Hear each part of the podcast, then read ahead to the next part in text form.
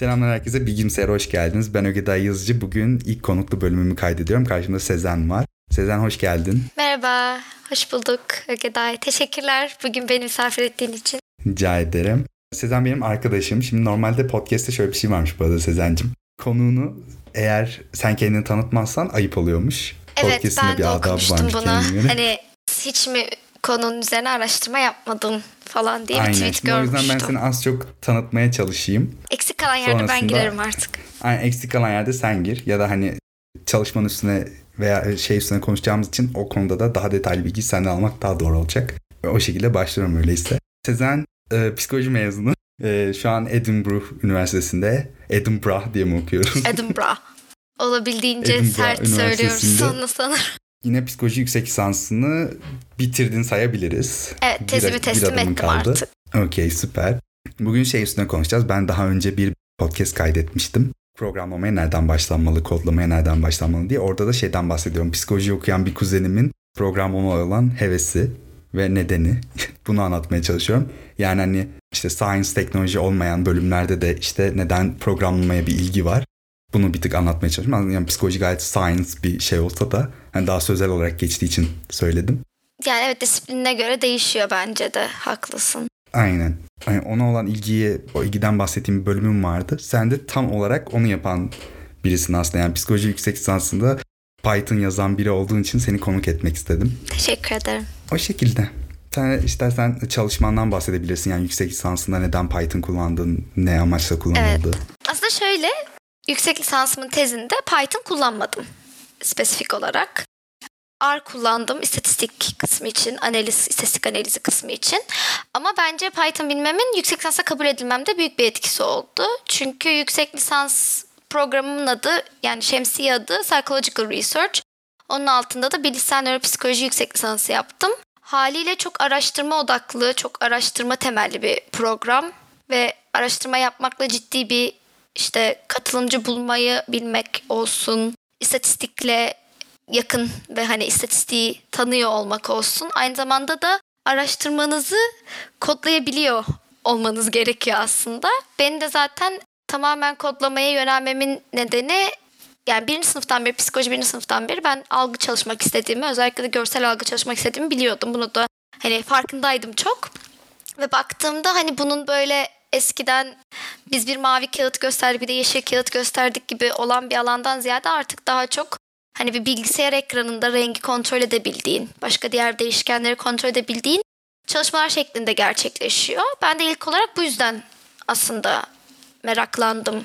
İşte tam kodlamayı nasıl öğrenebilirim, ne öğrenmeliyim falan. Aynı zamanda o dönemde ciddi bir herkes gibi benim de e, yapay zeka merakım vardı.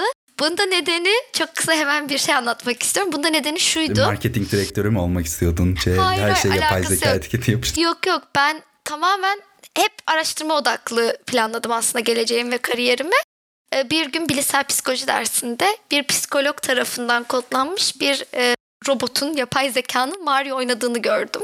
Her zaman bu arada hmm. video oyunlarıyla da çok ala, hani meraklıydım. Hep alakam vardı. Hep en oynuyorum vesaire. Evet aynen öyle. O yüzden... Tanışma nedenimiz bile olabilir. Yani bilgisayar bir psikoloğun kodladığı bir yapay zeka Mario oynuyordu. İşte öncelikle ekran kaydığında hareket etmesi gerektiğini öğreniyor. Ondan sonra işte düştüğünde öldüğü için buradan düşmemesi gerektiğini öğreniyor falan. Böyle şey olmuştum ben bunu yapmak istiyorum. Bu neyse ben bunu istiyorum diye. Sonra hani kısa bir internet araştırmasıyla yapay zekanın işte Python ve R önerildiğini vesaire gördüm. O şekilde bir Python'a merak salmıştım. Ee, o şekilde başladı benim kodlama maceram. Hani aa, ve sonrasında şöyle çok klasik olacak belki ama ilk Hello World yazdığımda ve ekranda Hello World çıkması ve bir anda şey oldum aman yarabbim kodluyorum. Yok böyle şey daha sonrasında işte görsel algı kullandığım için ekranda işte belli boyutlarda şu tonda, şu hue'da, şu value'da kırmızı bir kare çıkar mesela diyorum. Çıkarıyor Allah'ım diyorum bilgisayar ben ne dersem yapıyor muhteşem bir konu. Benim için öyle başladı kısacası. Daha sonrasında da okulda hani lisans süresince biraz bölüm başkanımızı benim ve birkaç kişinin daha zorbalayarak MATLAB dersi vermesini zorladık. Ee, daha sonra işte MATLAB dersi açtılar. Oradan MATLAB aldım. O daha çok görsel algıda daha çok kullandım. O yüzden Sonrasında da işte Python'ı e, spesifik olarak birkaç staj tecrübemde kullandım. Yüksek lisanstaki tezimde de aslında MATLAB, R ve spesifik bir software var MRI görüntülerini e, analiz etmek için. Onu kullandım. Çünkü e, Python'ı çok fazla kullanmadım. Çünkü zaten ikinci bir ikinci bir datayla çalışma yapıyordum tezimde. Onun analizini yaptığım için çok fazla e, yani çalışmayı kodlamam gerekmedi. Bunun üstüne daha hani neyi kodluyorum aslında çalışmayı kodluyorum derken bahsederim ileride. O yüzden e, çok fazla Python'ı yüksek lisans tezimde kullanmadım. Ama benzer bir şekilde çok ciddi bir şekilde R'la e, arkadaşlığımız oldu bu süreçte istatistik açısından. E, bir de MATLAB'le oldu. Çünkü kullandığım diğer MRI analizi software'i MATLAB'le beraber çalışabiliyor. O yüzden onu e, sıkça kullandım bazı görüntülerin analizi için. Bu şekilde Python ama hala çok seviyorum nedense. Çünkü ilk göz ağrım denilebilirsem ilk öğrendiğim dildi falan. Bir de hani e, şimdi dönüp bakıyorum çok komik geliyor da ne zaman ikinci sınıftayken falan psikolojide işte ben Python öğreniyorum falan dedi. Herkes aa Python falan diyor. Beş adım. evet. O yüzden hani böyle Python benim için şey ilk göz ağrım bir dil olarak kalacak sanırım. Artık çok fazla sanırım üstüne yeni bir dil koymayı falan düşünmüyorum. Kariyerim araştırma yani araştırma üzerine devam ediyorum kariyerimde ama yeni bir dil öğrenmeyi gerektirecek bir planım yok. O yüzden Python'la ve, ve R'la devam edeceğim. Benim için şu an yeterli. Python. Evet. Ama e, eğer hani senin sorun yoksa ben neden ne şekilde kullanıyorum diye devam edebilirim ama sorun varsa tabii ki. Sorum şey vardı sen anlatırken böyle e, dalmak istediğim bir nokta canlandı. Şey merak ettim şimdi senin asıl alanın psikolojiyle işte Hı-hı. bilgisayar bilimlerinin kesiştiği nokta neden bunun ikisinin kesişmesi kesişmesi gerek neden bu ikisinin bir aşka gelmesi gerekti oraya takılıp onu da hani şöyle yapayım ben bir varsayımda bulayım sen ne kadar doğru bir varsayım olup olmadığı üstüne yorum yap istersen. Yani ben şöyle düşünüyorum sen özellikle hani görsel algı çalıştığın için sonuçta senin verindeki input çok büyük. Yani belki milyarlarca piksel görüntün var. Hı hı. Ee, işte milyarlarca farklı renk tonun var. Bilmiyorum hani RGB mi görsellerin ona da bağlı olarak değişir ama hani e, çok fazla renk. Bunu elinle yapabileceğin bir araştırma şeyinden çok daha uzakta zaten ki hani 21. yüzyılda zaten öyle bir araştırma kalmamıştır. Yani bilgisayarsız bir araştırma zaten düşünülemez. Orası evet. da ayrı bir konu. E, bu veri inputun, inputun çok fazla olması mı birinci nedenin veri Aşka analizi kısmından ya da R'la dalmanın nedeni. Doğru bir varsayım mı oldu? Onun cevabını alayım senden. Ee, aslında evet bir yandan veri inputunun çok büyük olmasıyla alakalı. İkincisi yani özellikle görsel algıda aslında görüntüyü ekranın neresinde gösterdiğin, ne kadar süre gösterdiğin, ne tür bir parlaklıkta gösterdiğin, özellikle renk çalışıyorsan rengin her katılımcı için her session'da aynı olması çok önemli. Çünkü e, üçüncü bir değişken tanıtmamak istiyorsun çalışmaya analiz sırasında. Bir saniye ya bir karışıklık var. Ne oluyor? Bu data nereden geldi? Neden burada bir farklılık var? Bu kişi neden outlier çıkıyor? Gibi korkunç e, senaryolarla karşılaşmamak için. Tabii ki de bunu bilgisayarla yapmak hani bilgisayara bana şu şu şu renklerdeki şu kareyi göster ya da şu fotoğrafı hep 0.3 saniye göster 300 milisaniye göster vesaire demek insan dan kaynaklanabilecek değişkenleri yani insanın çalışmayı tanıtabileceği değişkenleri ortadan kaldırıyor. En çok aslında bu yüzden belki de. Çünkü insan faktörünü ortadan insan. Faktörünü, evet tam olarak aradığım kelime buydu. Teşekkür ederim. Ee, çünkü hani dediğim gibi eskiden mesaj okuyorsun 60'larda 70'lerde ilk defa renk algısı falan çalışırken insanlar bildiğim böyle işte lütfen bu renge bakar mısınız falan diye e, elinde kart göstererek örneğin renk algısı çalışmalarını yapmışlar. Biz mesela çünkü yani burada mesela işte şeyi bilemiyorsun. Örneğin e, görsel algıda özellikle renk çalışırken benim ilgim çoğunlukla renk olduğu için renk üzerinden örnek veriyorum sadece tabii. Hani yaptığım bu yorumlar kesinlikle sadece görsel algı ya da renk algısı üzerine düşünülemez. Hani onun da disclaimer'ını geçeyim. Başka alanlarda da çok rahat şekilde kullanılabilir ama hani ben e, eğitimin bunun üzerine, ilgi alanım bunun üzerine, 6 senedir bunun üzerine hani yoğunlaşmıştım. O yüzden verdiğim örnekler çoğunlukla görsel ve e, renk algısı üzerine. Örneğin renk algısı çalışırken yani background rengi de çok önemli. Bunu normal bir bir şekilde kart göstererek yapıyor olsan etrafın rengi, odanın ışığı hani bunlar çok etkiliyor olacak. Örneğin onun yerine biz her çalışmada hemen hemen aynı gri tonu kullanılıyor nötr bir şekilde background'da. Yani bu tür insan faktörlerini ortadan kaldırıyor. Session'dan session'ın hani her session'ın %100 aynı olduğu olmasını sana garanti ediyor. Çoğunlukla görsel algı için hani bu tür bir birliktelik yaşamasının sebebi kesinlikle bu. İkincisi de e, randomization aslında. Yani işte renklerin yerini değiştirmek, renk, örneğin farklı birkaç görsel kullanıyorsan MATLAB'e ya da kullandığın programa bu resimleri karıştır. Önce şunu göster, sonra şunu göster. Bunu 600 defa yani tekrarla. çeşitlendirmek istiyorsun ama hani çok uçtan bir çeşitle gelmesin. Ay, Belli ya- bir kapsamda çeşitlensin. Yok uçtan değil de hani elindeki stimuli havuzunu hani random karıştırmasını istiyorsun. Sana bunu gerçekten karıştırabiliyor. Çünkü o zaten hani 600'de hani diyorsun ki 600 fotoğraf göstereceğim. Birden 600'e kadar karıştır. Şunu şu- şurada göster. Bunu sonra bunun yanında göster. Ama işte bu iki fotoğrafın arka arkaya gelmediğinden emin ol. Mesela işte hep kadın erkek yüzü gösteriyorsun örneğin. İki kadın yüzünün denk gelmemesini sağla falan. Bu açıdan bu olayın karıştırma kısmını çok güzel yapıyor. Çünkü zaten bilgisayar yani bunun için burada. Bir insandan çok daha emin olacak şekilde yapabiliyor bunu. Aynı zamanda senden çok ciddi bir yük kaldırıyor. Yani bunu ben tek tek ellerimle önce şu fotoğraf görünsün sonra bu fotoğraf görünsün dediğimi hayal dahi edemiyorum. Çünkü hani daha önceki yardımcı olduğum çalışmalarda ya da hani kodlamasını yaptığım deneylerde ya bin fotoğraf falan gösteriyoruz session başına. Dört tane session yapıyorsun. Dört bin tane şeyi tek tek tek önce bunu göster sonra şunu göster diyemem yani. Buna ne zamanım var ne de sabrım.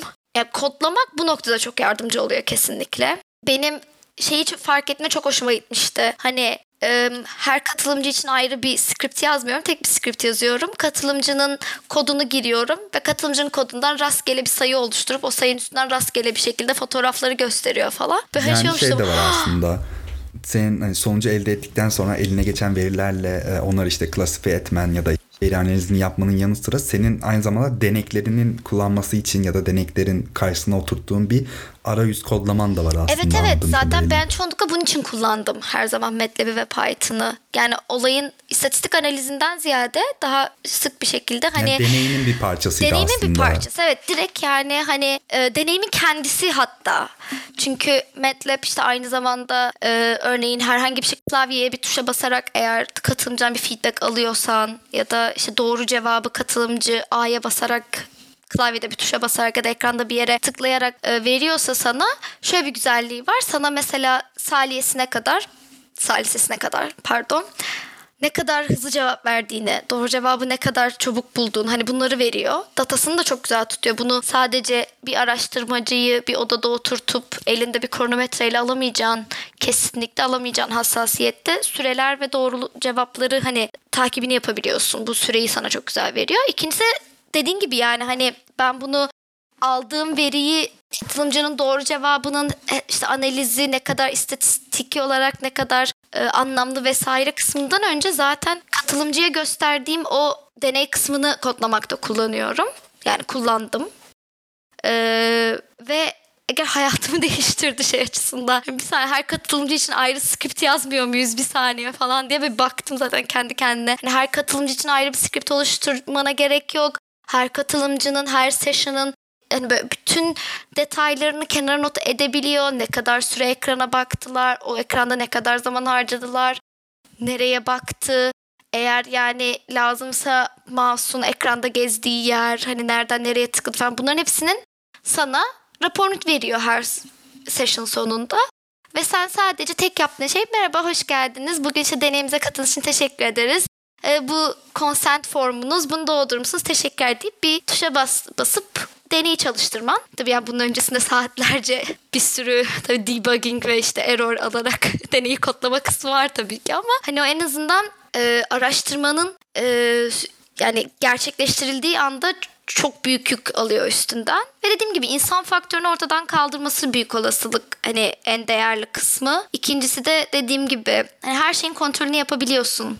Yani rengi örneğin eğer işitsel bir algı çalışıyorsan her seferinde aynı desibelde, aynı tizlikte çıktığından sesin emin olabiliyorsun. Hani bir ortada üçüncü, dördüncü confounding variable'ları bu değişkenleri ortadan kaldırması ve kesinlikle hani bu rastgeleleştirme sürecindeki yardımı benim için en azından benim tecrübemde bana en çok yardım eden kısım oldu Python ve MATLAB tarafından. Teşekkürler Python. Benim de bu podcast'te 4-5'e yakın sanırım sadece rastgelelikle ilgili bölümüm var. evet, ya tabii şöyle hani yeterince rastgele oluyor ama hayır. O tabii önemli bir nokta yani. Tabii ki de %100 gerçekten rastgele olmuyor ama bir insanın kafasından sayı oluşturmasından daha rastgele olduğu aşikar. O açıdan yardım çok sık kullandım. Ee, onun dışında hani arı zaten istatistik için kullanıyorum. Ondan önce SPSS kullanıyordum. Daha sonra arı öğrenince böyle ben ne yapıyormuşum SPSS'te ya diye bir farkındalık yaşadım. Çünkü SPSS'te bir şeylere tıklıyorsun devamlı. Yeni bir pop-up screen geliyor, yeni bir pencere geliyor. Orada bir şeyleri tıklıyorsun. Orada dereceleri sınırlandırıyorsun falan. Yani R o açıdan çok basit bence daha intuitif hani daha böyle ne yapman gerektiğini bildiğin özellikle arı kullanmaya alıştıktan ve rahat hissetmeye başladıktan sonra böyle bir daha SPSS'i açanın o moda sokuyor seni. ne yapıyormuşum? SPSS'de niye böyle bir şey yapmışım kendime falan olmuştum mesela. Evet ana olarak bu iki şekilde kullanıyorum ya kullandım yani. işte dediğim gibi MATLAB ve Python'ı deneyin kendisini yaratmakta. Arada çoğunlukla deney sonuçlarımı hani katılımcıların sonuçlarını analiz etmekte istatistiki olarak kullandım. Severek kullanıyoruz ailecek. Süper. Peki şimdi şeyi sormak istiyorum. Hani e, deneyin hangi aşamalarında kullandığını öğrendik. Ve yani deneyin amacı, skopu neydi? Hani E, sonuçta senin araştırmada aradığın bir sonuç var mıydı? E, neye ulaştın? Neyle başladın? Nasıl bitti? Onu merak ediyorum. Ee, şimdi birkaç tane tecrübem oldu. Hani bazılarını çok detay veremiyorum çünkü ya NDA demeyeyim de hani daha çok şeyden dolayı yayınlanıp yayınlanmadığından emin değilim paperların. Hani yardımcı olduğum kişiler bu kadar net bir şekilde bahsetmemden emin olur mu bilemediğim için. Daha önce e, bir doktor tezi için yardımcı oldum. O süreçte de e, Alzheimer'lı hastalarla çalışıyorduk örneğin. Hem Alzheimer'lı hem sağlıklı hastalarla. Bazı işte fotoğraflar gösterip ne kadar tanınabiliyor, hani aşina mı aşina değil mi, bu kişi ne kadar hızlı cevap veriyor gibi e, soruları cevaplandırmak için ama bu bir bilgisayar karşısında değil MRI cihazın içinde gerçekleşti. Orada zaten Python kullanmak zorunda kaldım. Çünkü MRI cihazında çalıştırılabilecek bir kod yazman lazım. PsychoPy diye bir uygulama kullan, Python kullanıyor. Çok basit bir uygulama bu arada. Hiç Python bilmeyen bir insan böyle çok basit bir şekilde deney yazabilir orada. Çünkü çok modüler böyle drag and drop bazı e, modüller var. Onları drag and dropluyorsun ama ben tabii zaten hani Python bildiğim için direkt hani kodlayarak şey yapmıştım. Burada mesela amaç şeydi işte e, göster gösterilen fotoğraflara işte aşina mı aşina değil mi diye tepki verirken hani beyinde hangi kısım ne kadar aktive oluyor hangi kısımları e, işte aşina olan da hangi kısım aşina değil dediğinde hangi kısım doğru cevap verirken aş, işte örneğin aşinaysa fotoğrafa ama aşina değil diyorsa hangi aşina değil dediği kısım mı gerçekten e, aktive oluyor yoksa kendisi fark etmese de aşina derken aktive olan kısım mı gibi hani böyle e, Alzheimer'lı hastalarda ve sağlıklı yalan hastalarda. Yalan gibi. Ya yalan değil canım. Daha çok hafızayla ya, alakalı bil- yani. Sanki e, bilinçsiz söylediği bir yalanı test ediyorsunuz gibi. Ya evet aslında şöyle hani hafızası ya bilinç seviyesinde hatırlamadığını düşünürken beyin buna aslında gerçekten beyin bunu hatırlamadığını biliyor mu vesaire gibi. Yani çok daha detaylı bu arada ve çok sıkıcı olur eminim dinleyiciler için. O yüzden hani bunu geçiyorum ama hani burada mesela genel olarak buydu. Hani amaç. Aynı zamanda ekrana yansıt ekrana yansıtamıyorsun. Ee, yukarıda bir ayna var. Sen arkada ekranda yansıtıyorsun çalışmayı. Onlar aynadan yansımasından izliyorlar ve e, MR cihazına işte keyboard sokamazsın çünkü hani devasa bir magnet. Ee, ellerinde butonlarla cevap veriyorlardı. Sağ sol butonlar şeklinde. Mesela Python burada butonların işte cevaplarının takibini yaptı. Cevapların süresinin takibini yaptı bize. Aynı zamanda e, doğru cevap sayısını vesaire hani verdi direkt. Bir yandan da MR makinesi de beynin aktivasyonunu aktif fMRI çekiyorduk yani aktif olarak. Sonrasında buradaki amaç burada bir pattern var mı? Sağlıklı hastalar örneğin Alzheimer'lı hastalar daha doğrusu Alzheimer'la Alzheimer diagnozu almamış hastalardı. ama ailesinde Ha. Alzheimer olan kişilerdi. Bu yüzden hani genetik bir acaba yatkınlık, eğilim var mı? Eğer Alzheimer'lı hastalarla örneğin o sağlıklı hastalar arasında belli bir overlap varsa beyin bölgelerinde aa evet demek ki hani bu genetik yatkınlığı biz önceden görebiliyoruz bir fMRI cihazında ya da beyinde hani bunu Bu önceden şey yani. söyleyebiliyoruz Mesela diye. Bambaşka bir amaç için araştırılırken hani o kadar çok net ve güzel bir veri toplanıyor ki çok farklı sonuçlar da çıkabiliyor. Evet bunu yaşayan araştırmacılar büyük olasılık böyle hani altın maden bulmuş gibi seviniyor olabilirler. Çünkü Evet. araştırmayı hazırlarken ve deneyi kodlarken çok spesifik şeylere dikkat ederek çok spesifik şekilde yarattığın için o aslında deneyi bambaşka bir şey bulsan aslında ilk tepkin büyük olasılık bir saniye dur ya bir şeyler yanlış gitmiş mi falan olacak büyük olasılık. Çünkü hani kimse düşünmediği bir değişkeni datada görmeyi sevmez. Ee, Evet. İlk olarak bunun için kullanmıştım mesela Python'ı. Daha doğrusu ilk profesyonel olarak diyeyim. Bu hani benim bir staj tecrübemdi. Onun dışında kendi kendime hani birkaç defa öğrenci projelerinde hani kullandım benzer şekilde. Burada da yine aynı şekilde görsel algının örneğin konuşmaya, hafızaya nasıl etkisi var? Hani görsel olarak ben bir şeyler gösterdiğimde bilişsel bir yük gerçekleştiği için ama acaba hafızayı etkisi oluyor mu? Ne kadar hatırladığına vesaire gibi çalışma olmuştu. Yüksek lisans tezimde çok detaya girmeden nasıl anlatırım? Tabii bunun üzerine şimdi Tabii. 12 ay aynı tezi yazıp aynı tez üzerine okuma yaptıktan sonra en küçük detayını bile veresi geliyor insanın. Ee, şöyle söyleyeyim. Ee, yüksek lisans tezim için de şöyle bir şey yaptım. Ee, biz biliyoruz ki daha önceki çalışmalardan yani hani önceki literatürden görsel alanınızdaki merkezde olan bir şey beyninizde belli bir bölgeyi uyandırıyor. Daha periferide, daha çevresel kalan bölgedeki uyarıcılarda beyni bambaşka bir bölgeyi uyandırıyor. Bir diğer bildiğimiz e, şey de çok kabul gören de fusiform face area denen sadece yüzlere tepki veren bir bölge var beynimizde. Bir de parahippocampal place area dediğimiz daha çok binalara ya da işte örneğin manzara görüntülerine hani o tür böyle place olan şeylere tepki veren e, iki farklı beyin bölgesi var. 2001-2002'de yapılan bazı çalışmalar yüzle merkezin yani yüze tepki veren bölgeyle merkeze tepki veren bölgenin ciddi bir şekilde kesiştiğini aynı zamanda e, hani periferiye tepki veren bölgeyle binalara, sahnelere tepki veren bölgenin büyük bir şekilde kesiştiğini ve hani aksinin, aksi kesişmenin olmadığını söylüyor 2001'deki ve 2002'deki çalışmalar. Daha sonrasında bu çok da kabul gören bir düşünce. Eccentricity bias deniyor bu. Hani merkezden daha eccentricity arttıkça görüntünün bir beyninde bir bias gerçekleşiyor. Belli bir tepki bölge e, aktive oluyor. O görevi üstüne alınıyor. Benim yüksek lisans tezimde bunun tam olarak böyle işlemediğiyle alakalıydı. Counter Böyle değil. test tarzı bir şey.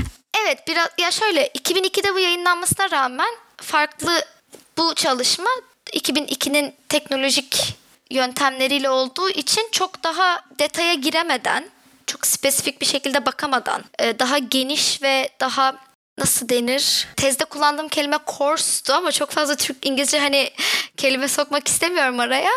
Daha kaba bir şekilde baktığı diyeyim. Biz ama 2010'dan itibaren farklı beyin görüntüleme teknikleri ya da hani fMRI'nin üzerine katabildiğimiz yeni e, analiz teknikleri var. Daha e, sofistike, daha detaya dikkat eden, daha derin bir şekilde analiz edebildiğimiz teknikler var. Ben bu tekniği kullanarak aslında 2001'de denildiği gibi bu iki bölgenin arasında hiçbir kesişim olmadığını değil aslında bir belli bir miktarda hatta istatistiki olarak da anlamlı bir kesişim olduğu üzerine bir tez yazdım.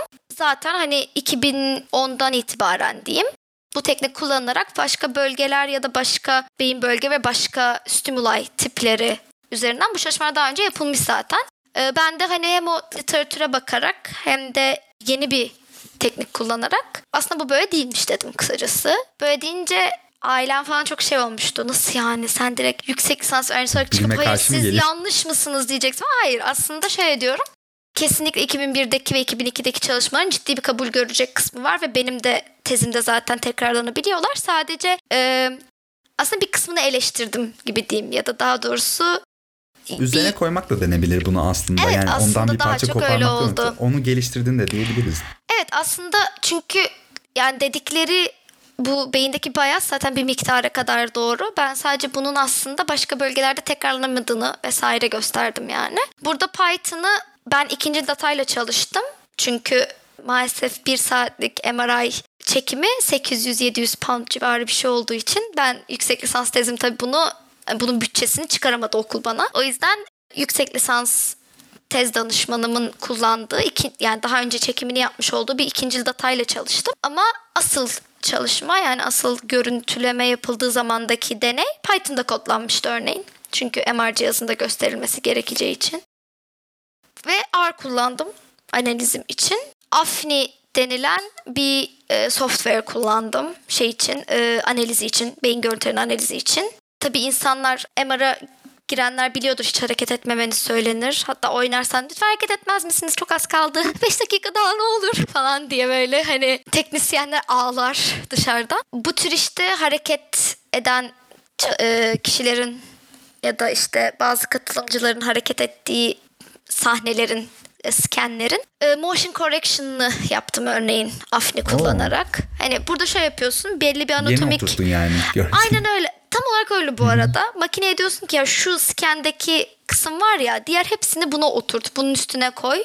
Öbür türlüyse belli bir derece veriyorsun. Bunun üstündeyse zaten o artık çok pis olmuş onu at diye. Ama onun dışında hani motion correction yapıyorsun. Belli smoothing denilen bazı teknikler var daha analiz edilebilir hale getirmek için. Population Receptive Field Mapping denen bir durum var böyle o bölgedeki her voxel ne kadar tepki verdi, o voxel gözdeki hangi bölgeye denk düşüyordu vesaire gibi bunların hepsini Afni ve MATLAB kullanarak yaptım örneğin. Hani Afni'yi kullanarak belli bir e, raw datayı yaratıp sonra onu MATLAB'e alıp orada küçük e, düzeltmelerini yapıp daha sonradan belli sayılar aldım. O sayıları ara exportlayıp arda da istatistiki olarak değerli mi değil mi diye baktım. Böyle anlatınca bir çok yoruldum fark ettim. Çünkü uzun bir süreçti şey tabii ki. Ee, senin Mac'inde bir e, Python eklentisi tarzı bir şeyi çalıştıramamıştık M1 evet, olduğu için. Onunla evet. uğraşmıştık. Evet Afni'yi kurmaya çalışmıştık. Ama Afni'nin de zorluğu Windows'a yok. Çünkü Mac'te daha rahat çalıştığını iddia ediyor. Unix yani yaratıcıları. sanırım bir de. Yani Linux'ta sanırım, da vardı evet, evet. ama Mac ee, Linux sadece çalışıyor. Mac'lerde ve Linux'ta çalışıyor. Fakat Mac'te Intel çiple e, uyumlu evet. olarakmış. Benimkisi M1 çipli olduğu için yani Ögeday seninle o gün kaç saatti sayende. ya? Kaç bayağı saat? uğraştık ya. 5-6 saat uğraştık evet, galiba. Evet. Ama sonunda şeyi keşfettik yani M1 Mac'lerde terminali e, Intel evet, based çalışacak şekilde evet, evet, emüle edebiliyormuşsun. Ayrı yani bütün bir... terminalde yapılması gerektiğini aşırı şaşırmıştım. İkinci bir terminal bu arada bunu yapmaya devam ettim çünkü Afni'de Rosetta terminalini çalıştırırken MATLAB için başka bir normal Mac'in kendi terminalinde şey yaptım falan. Evet. Ve iki tane terminalim vardı. Birinin adı Rosetta Terminal, diğeri Terminal. Tez danışmama bunun açıklamasını yaparken çok komiktim bu arada. İşte dedim ki ya geçen hafta çok Nereye uğraştık falan var? filan. Dedi ki niye uğraştın ya dedi işte şuradan direkt hani bu arada onun dışında çok basit bir süreçti biliyorsun. Direkt böyle export edip bir kod yazıp çalıştırıyorsun falan yani. Böyle tek bir line bir şey yazmam gerekiyor terminale. Ya işte çok basit değil mi falan dedim ki Envandılar için değil. Mimari değiştiğinde değil. Evet o yüzden mesela o da böyle şaşırmış. Aa hiç duymamıştım bunu falan dedi. Ya çünkü şöyle tabii bu tür software'leri zaten araştırmacı halinde psikoloji alanında hani araştırma yapan kişiler hani yarattığı için diyeyim doğru kelime nedir bilemiyorum. Siz başka yani... bir şey diyorsunuzdur belki. He, onlar Yo, hani yani onlar oluşturuyor. Onların ha, onlar oluşturduğu için çok fazla zamanları yok bu insanların. Tekrar. Yani bu insan oturup her gün update, her sene ben buna bir update getir, envan çıkmış, öyle. her şey uygun hale getiririm diyemiyor tabii Zaten ki. Zaten şöyle bir şey de var. Yani GitHub'da bulabildiğin hangi yardımcı uygulama hala şey update alan bir şey ki. Ha evet yani. O yüzden hani şeydi böyle bir yandan anlayabiliyorum insanları ama bir yandan da ya hepimiz araştırmacıysak hepimiz Mac kullanıyorsak M1'e de çıkarsaydınız keşke diye. Ya işte Çok orada şey de var. Benim bu arada M1 Mac'lerle ilgili de bir bölümüm vardı. E, Gerçekten mi? böyle şoka girip anladım ben bununla ilgili bir bölüm kaydedeyim. Hemen işte e, işlemci mimarisi değiştiriyor Apple yuh falan diye şoka girmiştim. İşte oradan bahsettiğimde şey de demiştim mesela eğer ciddi anlamda sadece Intel based çalışan bir programı kullanan bir profesyonelseniz M1'e geçmek için acele etmeyin demiştim bir şey de var hani mesela senin örneğinde hani eğer arada Rosetta gibi bir şey olmasaydı kullanamıyor olabilirdin evet. yazılımını. Bir de senin Windows şansın da yok. Hani ikinci bir seçeneğin de yok. Çünkü Windows için yapmamışlar. Bir de şöyle bir şey var yani. E, hani Rosetta her uygulama için çok müthiş çalışan bir emülatör de değil. Senin senaryonda seni kurtardık tamam ama belki daha çok grafik intensif bir şey, daha çok CPU gerektiren bir şey de Rosetta'nın performansıyla yırtamayacaktın yani o da var. Evet, evet, evet. Yani zaten... Bir de sende yapmak istediğim şey gerçekten hani tam olarak tek tek satır bir komuttu ve işlemci mimarisi farklılığından dolayı çalışmadığını idrak edememizde çok uzun sürmüştü. Çünkü çok fazla böyle desteği, support formu vesaire Ay, olan, olan bir teknolojide şey değil. değil. Yani error mesajını Google'a yazıyorum ve yok öyle bir şey çıkmıyor. Hayatımda ilk defa bir error'u başkasının yaşamadığını ve Google'lamadığını fark ettim. Ve çok korkmuştum o noktada yani. Yani çünkü ikinci seçenek de yok. Bir de tam tezi başka bir şey yapayım diyebileceğim bir noktada da değilim. Çünkü yani tez artık teklifini yapmışım, kabul edilmiş, okulun sistemine evet Sezen bu tezi yapılacak şeklinde girilmiş. Yani tezin başlığı hani not alınmış, sisteme girişi yapılmış vesaire. Yani böyle şey diyemem. Ya ben bilgisayar çalışmadı artık ne yapalım artık başka bir şey yapayım ya falan. Öyle bir seçenek asla yok. Bana bir hani Intel böyle- sponsoru olur musun? Ve hani şey böyle kafamdan şeyler dö- dönüyor. Ne yapabilirim, ne yapabilirim? Allah'tan şöyle bir şey vardı. Bundan önceki MacBook'um hala duruyor. Bu sene değiştirdim MacBook'umu ve evde yani hala. Hani böyle tam o Intel işlemcili. Bu arada 2015 Air'dı. Hani böyle zaten son zamanlarda artık diye ses çıkarak yapıyordu bazı şeyleri. Dedim ki yani tamam ağlaya ağlaya hani e, uçak gibi ses çıkara çıkara bununla yaparım artık falan diye Bu arada düşünmüştüm. biz gerçekten başaramasaydık eğer e, Eman olanda çalıştırmayı sen büyük ihtimalle o eskisinde denediğinde olacaktı ve biz zannedecektik, zannedecektik ki büyülü bir şekilde o yaptı ve e, yeni bilgisayarın yapamadı. Evet. Çünkü e, gerçekten aklımızda olan bir faktör Ya değildi zaten- Mac'inin Eman olması. Ben sana o noktaya kadar sormamıştım. Evet evet hatta Hangi hiç konuşmadık bile diye. yani. Hani, aa acaba şey mi falan hiç öyle bir şey olmadı hani hiç ya varsaymadık onun bir sorun olabileceğini sanırım. Ben bu arada onun üstüne başka şeyler de yüklemeye çalıştım mesela bilgisayara. Özellikle ilk aldığımda bilgisayara bir sürü şey yüklemeye çalışıyorum çünkü bilgisayar bu yapılır yani. Allah'ım hepsi sorun çıkarıyor. Böyle zaten şöyle e, uzun senelerdir hani bilgisayarı upgrade'lemiyorum. Bu sene öğrenci indirimimden yararlanarak hani upgrade edeceğim falan diye para biriktirmişim falan. Zar zor zaten hani döviz kuru ortada İngiltere'de zar zor alıyorum bilgisayarı falan. Aldım eve getirdim hiçbir şey kuramıyorum. Böyle Ve ellerim İngiltere'de kafamda. bir öğrenci olarak almanın şeyi de ayrıdır tabii. Hani sana bıraktığı yük artı e, psikolojik baskısı. Zaten ya psikoloji Hani baskısı daha çoktu yani hani şu o aldım. noktada. Evet böyle şey ellerimi kafamın içine alıp ben ne yaptım? Ben neden bunu yaptım? Bunun geri dönüşü var mı? Ee, ben bunu iade edebiliyor muyum falan diye hani böyle çok korkmuştum ama E, Şeye götürsen çözebilir miydi acaba ya? Bu e, Apple Store'larda Genius'lar var Genius ya. var. Bilemiyorum Onların önüne ya. koysam ve desem ki benim Eman Mac'im Afrin'i çalıştırmıyor bir yardımcı musun? Ya onlar da çözemeyebilirdi çünkü Afni şey gibi bir şey değil. Bence de Ya ben çözemezlerdi. Adobe çalıştıramıyorum. Afni diyorsun herkes biliyor o ne ya falan. Hani şey gibi bir şey değil hani yazdım dosyayı indirdim tıkladım çalıştı yani zaten spesifik bir psiko yani nöro yani nöroloji ya da neuroscience çalışan insanlar dışında Afni'yi kimse kullanmıyor zaten böyle hani böyle belli bir, bir kişi kitlesi var. Onlar zaten artık tenürü olan profesörler birbirleriyle arkadaş.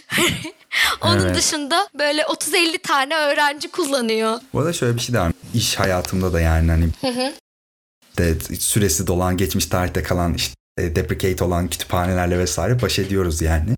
Başına geliyor insanın. Hani bizim çok alışık olduğumuz bir şey belki güncellenme, desteklenme. Seninki tam olarak desteklen, desteklenmediğini de farkında olamadığımız için yani Evet. destekleniyor gözüküyor aslında yani updated mı updated şeyde gözükmediği için hani Envan Evet, Mac'ten haberi evet. olmadığı için yazılımı. Zaten ya bir de web sitesi şey falan yazıyor. Yani Windows kullanıcılarına özür dileriz ama bu Mac ve Linux'ta çok güzel çalışıyor. O yüzden hani hatta bir şey esprisi falan yapmışlar. Eğer Mac'iniz yoksa you should get one falan yazıyordu web sitesinde. Böyle ekrana bağırmak istedim o gün.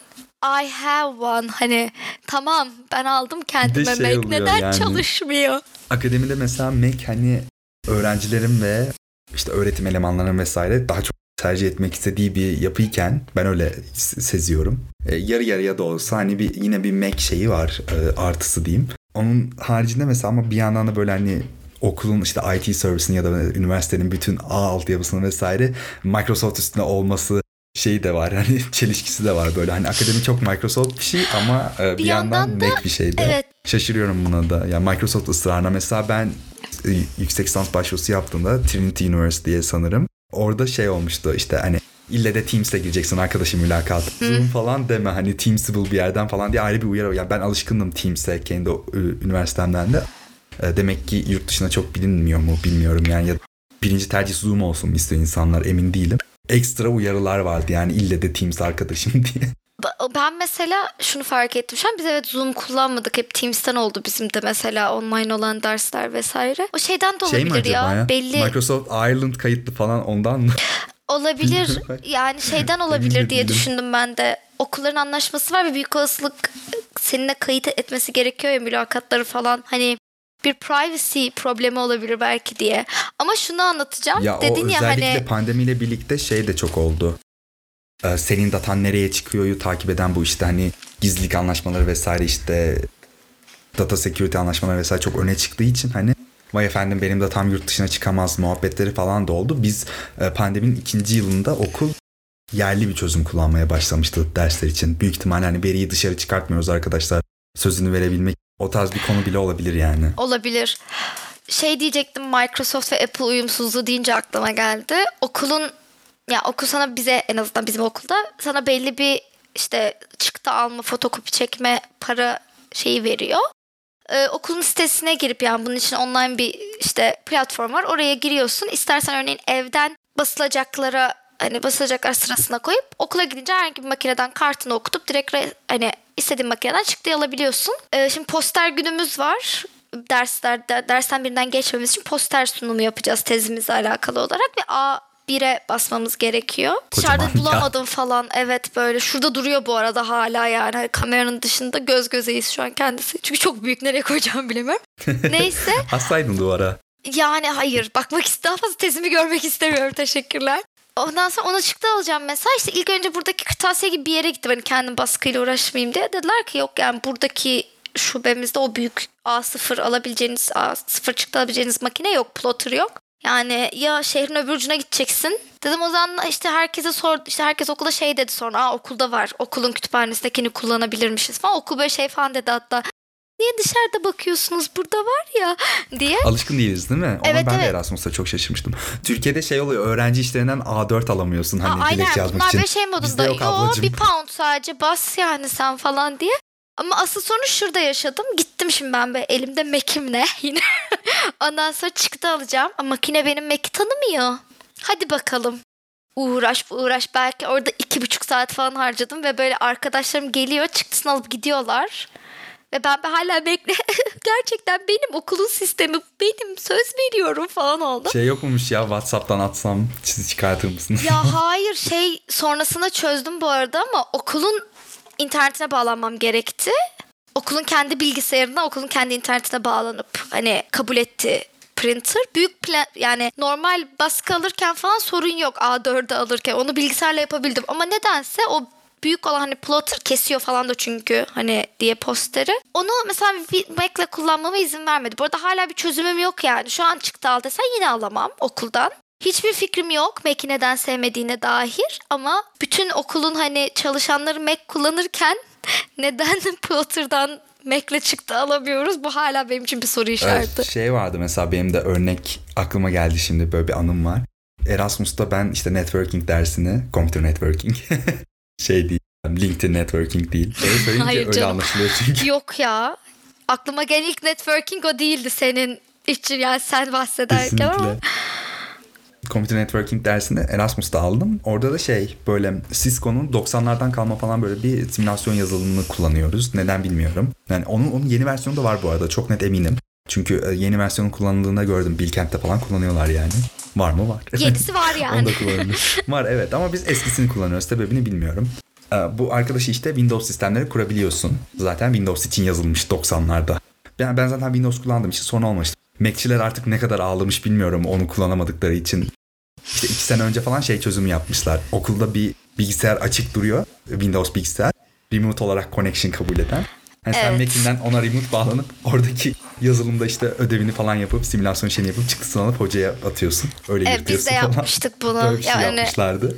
Burada da şey için yaptılar onu. Sanırım lisansla uğraşmamak için EEG analizi yaptığımız bir ders vardı. Yani ders içindi yani kısa bir proje şey dersin sınavı yerine düşün. Herkes böyle şey ama bu bu çalışmıyor bu software falan oldu böyle. Bir de tabii yani key gerektiriyordu lisans anahtarı gerektiriyordu. Yani lisans gerektiriyordu. O yüzden herkes böyle şeyin sonunda okula bağlanın falan dediler ama gerçek bir bilgisayar değildi açık duran. Ben mesela yani işte yok efendim Python yok böyle kodlama yaptım falan diyorum ama ben hala kafam olmayan bir bilgisayara yani fiziksel olarak olmayan bir bilgisayar benim bağlanıp o bilgisayardaki software'ı kullanıp kendime mesela o dosyayı alabilme konsepti falan benim için böyle büyü gibi bir şey.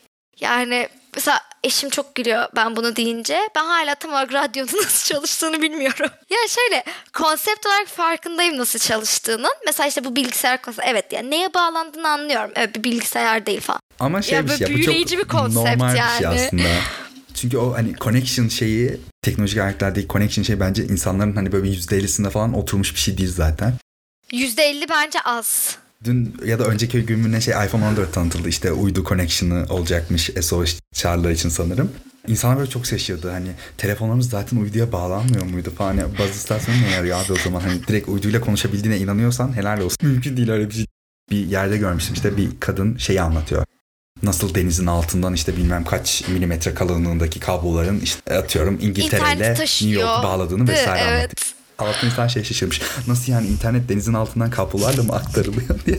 Hani çünkü insanların beklentisi hani e, ben burada İngiltere ile konuşurken bir uzaya çıkıp iniyorum.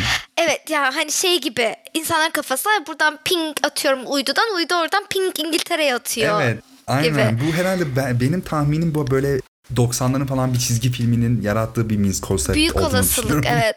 Ya halka İnsanlarda böyle anlatmak bir için şey böyle bir video çekilmiş bir noktada ve orada kal. Bu arada yani şöyle ben hani bu Google'a saldıran bir köpek balığı hikayesi var. Devamlı Google'ın kablolarını yiyen bir köpek balığı bir yani bir bölge vardı orada devamlı kablolar zarar görüyor falan. Anneme söylemiştim bu ya çok sevi çok komik bence çok tatlı falan. Annem böyle şey oldu. Bir saniye köpek balığı kabloları derken Google için falan. Bu arada hani mesela bunu biliyor olmam benim için ilk aklıma gelen şeyin uyduda pingleyip uydunun başka yere gönder... Ya ilk aklıma gelen yine o. Bu değişmiyor. Evet denizin altından devasa kablolar var. Bunlarla taşıyor internete. Ama Elon abimiz yaptı artık o da mümkün olacak. ama bu Starlink ile. benim için büyü yani hala. Bu arada Starlink falan o da büyü. Yani bu arada ben şey çok şey- komik. Hani Türkiye'nin üstünden falan geçmiş. Görülebilmiş ama Aa, bilmiyordum Starlink mi? haberim yoktu. Bir bakardım belki. Görebilir sen miydim bir- bilmiyorum aynen. buradan ama. Ya ben mesela şeye bakıyorum hep telefonda böyle gece gökyüzünde hangi takım yıldızı nerede diye gösteren bir app var. ISS senin üstünden geçerken sana bildirim yolluyor. İşte 3 dakika ISS. ISS üstünden olacak Her seferinde böyle şey yapıyorum. Ah, ISS. Ah, çok havalı. Gördüğün oldu mu? Hani- Hayır. Ben ya bu çünkü arada zaten şuradan seni bile böyle 3 piksel olarak falan görüyorum gözlüğümde olmadığı için. ISS'i çıplak gözle görmem hiç mümkün değil. bence gökyüzü kirliliğinden de ama. Burada hiç denemedim. Burada gökyüzü biraz daha az kirli. Yani Edinburgh şey biraz daha e, çok kalabalık bir şehir değil. Öyle yüksek binaları çok yok. Bir tane falan yüksek O yüzden binası genel var. şehrin ışık kirliliğinin yansıması etki ediyor bir de galiba. Evet Belki işte çok o yüzden parlak bir hani şey değilse. burada mesela daha fazla yıldız görüyorum. Hani bizim evden böyle bakınca aa evet şu şu takım yıldızı falan diyebiliyorum. Belki bir gün ISS'e baksam ISS ve Starlink'i görebilirim. Çok heyecan. Bak bunu hiç düşünmemiştim. şey Gideyim. Starlink geçiyor mu diye. Şeyi hatırlıyorum mesela babam böyle bir işte kardeşimle bana bir karne hediyesi böyle şey aldı. National Geographic'in bir teleskobunu aldı böyle. Müthiş bir şey ama böyle hani mega profesyonel bir şey. Öyle hani çocuk teleskobu falan değil asla. Ben Bayağı de şey. istemiştim ya. Böyle şimdi kurduk falan biz onu tabii büyük bir heyecan falan böyle. Gökyüzünde hiçbir şey gözükmüyor abi Ankara'dan. Hani mümkün değil yani. Hani nasıl bir şey varsa bilmiyorum. Artık o yerdeki ışığın yansımasının kaynaklandırdığı bir şeymiş sanırım. E, hiçbir şey göremiyoruz. Tabii tabii. Tek bir yıldız bile gözükmüyor falan. Böyle artık babam şey falan yaptı bizi böyle etkileyebilmek için. Böyle dikmenin tepesinde bir e, Türk bayrağı var. O zaman bizim evin önünde de böyle bina falan yok. Yani Türk bayrağını falan izledik. Hani aa çok güzel göster. Ama sonra onu tabii o yaz işte e, yazla falan böyle götürünce orada e, görmedik yıldız kalmıyor. Müthiş şeyler görmüştük. Böyle telefonla fotoğrafını çekmeye çalışıyoruz falan ama olmuyordu. Ben Ege Üniversitesi'nin bir ara işte böyle yıldız gezegen çok meraklıyken falan Ege Üniversitesi'nin bir etkinliği vardı. Böyle teleskopları kuruyorlar. Sen gidip bakıyorsun Ege Üniversitesi'nin bahçesinden teleskoplara. Bir tanesini Satürn'e ayarlamışlar. Ve eğildim baktım ve Satürn halkalarını gördüm. Böyle o an kalbim kit kit atmaya başladı. Little Einstein şeyi uyandı mı sende? Little Einstein'dan ziyade böyle şeyi çok Satürn'ün gerçekten halkasının olmasından etkilendim sanırım. Yani hani bunu böyle teleskopta görülebilir bir halkası olmasından ve gerçekten halkası olduğunun hani yalan olduğunu düşünmüyorum. Sadece hani teleskopla görülemez. Hani işte Çıplak gözle direkt görebiliyor olman bile hani başka bir şey zaten. Değil mi? Böyle çok böyle şey olmuştum. Aman ya Rabbim Satürn. Ve böyle o zamandan beri galiba Satürn favori gezegenim falan böyle. Çünkü halkası var. Ve görülüyor. Ben bir gün artık şeye inanıyorum ya. Hani bu özellikle şimdi James Webb falan da atıldı ya uzayda işte manyak görüntüler çekiyor. İleride şey olmasını istiyorum yani inancım bu yönde bunun olacağına inanıyorum. Cloud erişilebilir bir teleskop böyle hani girip kendi bilgisayarından bütün uzayı izleyip çıkabildiğin Keşke falan böyle. olabilse öyle, Öyle bir bir şey. teknoloji istiyorum. Çok Ve şöyle bile olabilir. mı acaba? Hani zamanında çekilmiş görüntülerin bir şey bile vardır zaten. O var galiba. NASA'nın belli bir Evet. database'i var sanırım. Girip bakabiliyorsun. Hangi günde nasıl çekilmiş falan diye. Şey falan var doğduğun günde NASA'nın çektiği Ha evet fotoğraf. evet bak evet evet öyle bir Benimki Twitter'da. korkunç bir şey böyle siyah beyaz böcek gibi bir şey. Ay benimkisi çok düz ya. Ben bakmıştım. Benimki Düz bayağı bayağı. çirkin. Nebula yani. Düz nebula böyle havalı. klasik. Bu arada yani bu konuşmaları e, kayda almayı hatırlıyor Alıyorum. mısın? Hayır hayır yani bunlar bölümde de olacak Atmayacağım mı? kalacak kalacak. Hayır şey açısından sordum. Python psikoloji nasıl kullanılıyormuş diye gelip bizim e, NASA'nın gökyüzü Başlığı çok güzel. ayarlarız ya. Satürn'ü çok seviyorum Başlığı falan şey diye. çevirsem Sezişum'la e, minik hasbihal ona göre Yani gelirler. Doğru diyorsun E, aslında. başlığımıza karar verelim. Yani Sezuşum'la Hasbihal gerçekten bu bölümün aslında Bir enerjisini... psikolog neden kodlar diyebilir miyiz? Bir psikolog neden kodlar bence çok mantıklı. Eğer yani e, bu soruya kısa bir cevap vermem gerekirse hani elevator pitch dedikleri bir cevap vermem gerekirse bir psikolog neden kodlar birçok nedenden. E, ama evet yani birçok nedenden kodlar. İstatistik için kodlar, yapay zeka için kodlar, deneyi yaratmak için kodlar. Bayağı kodluyormuşuz ya. Bu arada mesela çok kısa bir hemen hani kendi hayatımdan bir anekdot paylaşmam gerekirse ben psikolojiye zaten yani bölüm için çok istiyordum girmek ve girmede de çok mutlu olmuştum gerçekten. Ama çok emindim hani sadece klinik psikoloji yapılabiliyor diye. Zaten bence bu hikaye yani psikoloji mezunu %98'i için geçerli bir anıdır herhalde. Ben bölüme girene kadar psikoloji sadece klinikten ibaret sanıyordum falan. Gerçekten benim için de öyleydi. Ve hani girdikten sonra böyle çok şeyi fark ettim. Yani ben aslında benden klinik psikolog olmaz, benden terapist olmaz. Ee, ya ben bunu iş olarak yapamam gerçekten. Hayatım boyunca terapistlik yapabileceğime inanmıyordum. Ve yani böyle çocukluğumdan beri bir takıntım vardı. Ben bilim insanı olacağım, bilim insanı olacağım. Ben işte araştırmacı olacağım, bilim insanı olacak diyordum. Hatta ortaokulda bir ara atom altı parçacıklarla takıntılı olduğum bir dönem var. Tutturmuştu fizikçi olacağım diye gördük. Ama hani böyle girdim bölüme ve sonra şeyi fark ettim yani. Girdikten sonra kısa bir süre çok mutsuz oldum. Ya ben bilim insanı olmak istiyordum. Ben burada ne yapıyorum falan diye.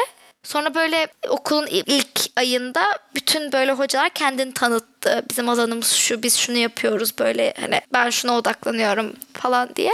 Bölüm başkanı çıkıp işte ben hani bilişsel psikoloji yapıyorum, görsel algıya odaklanıyorum. Bu herkesin aynı görmediği elbise vardı ya rengini farklı gördükleri. Onun Evet. üzerine paper falan yazmış kendisi. Böyle işte anlattı böyle böyle dersler veriyorum şunları vereceğim size işte böyle çalışmalar yapıyorum. İşte odak noktalarım bunlar. Ve bir anda böyle gözümden kalpler çıktı o anda. Aman tanrım hani bir saniye ben hala bilim insanı olabilirmişim falan diye. Zaten sonra hani fark ettim ki aslında olayın terapistik kısmında ciddi bir bilim yani.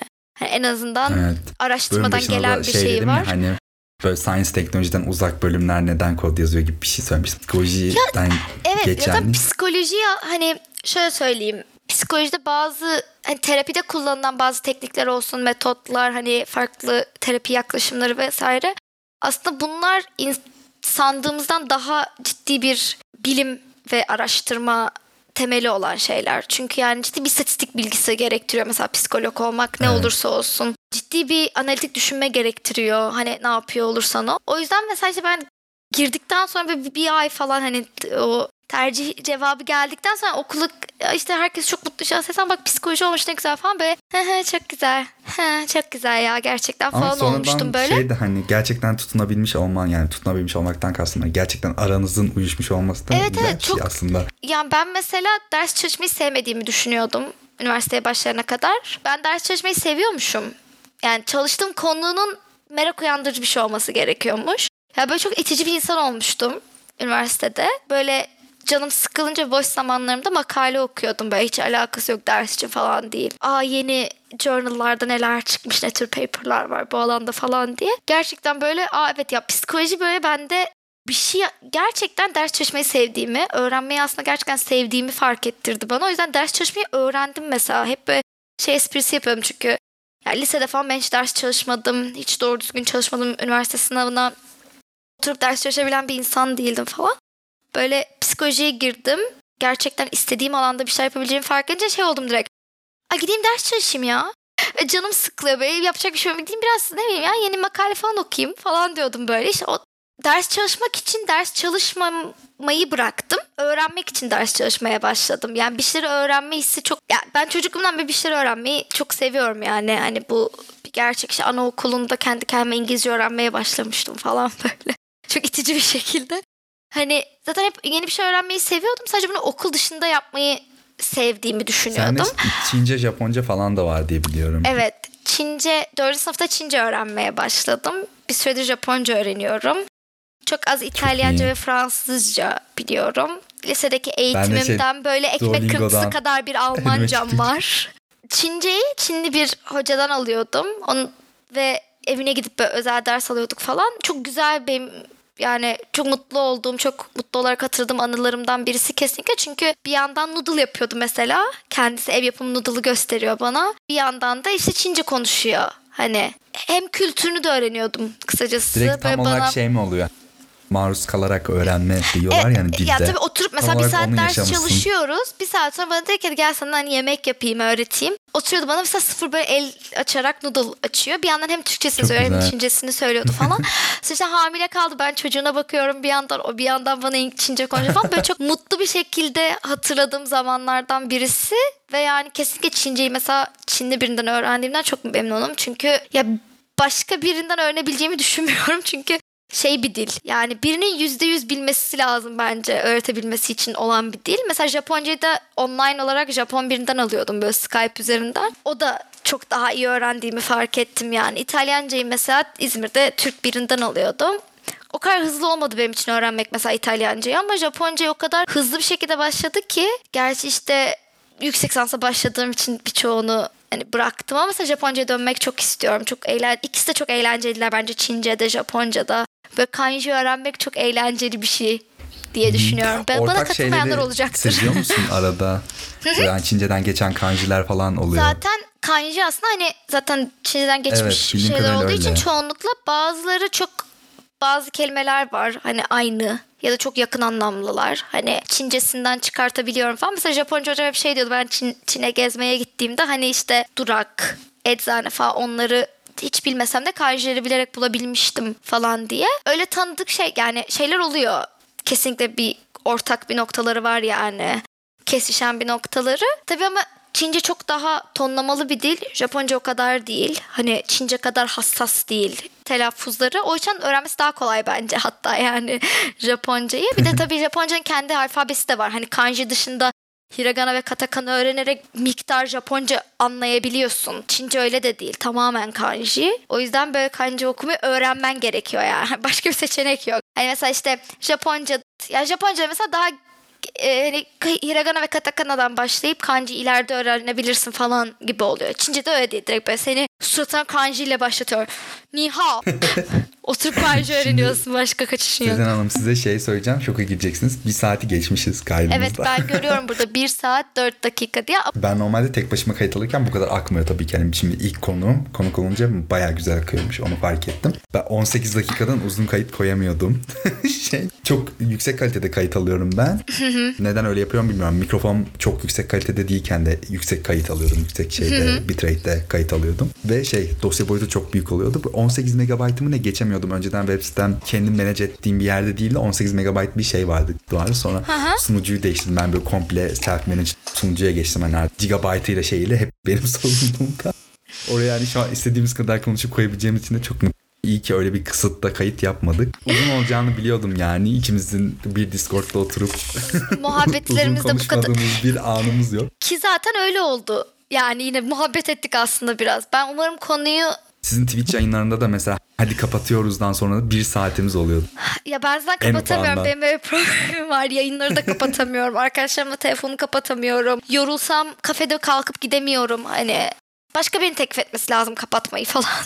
Benim normalde kayıtlarımda önünde bir text olmuyor ama bir roadmap kesinlikle oluyor. Yani şundan bahsedip şuna geçeceğim falan gibi bir şey kesinlikle oluyor konuşurken. Böyle free konuştuğum tek bir bölüm vardı.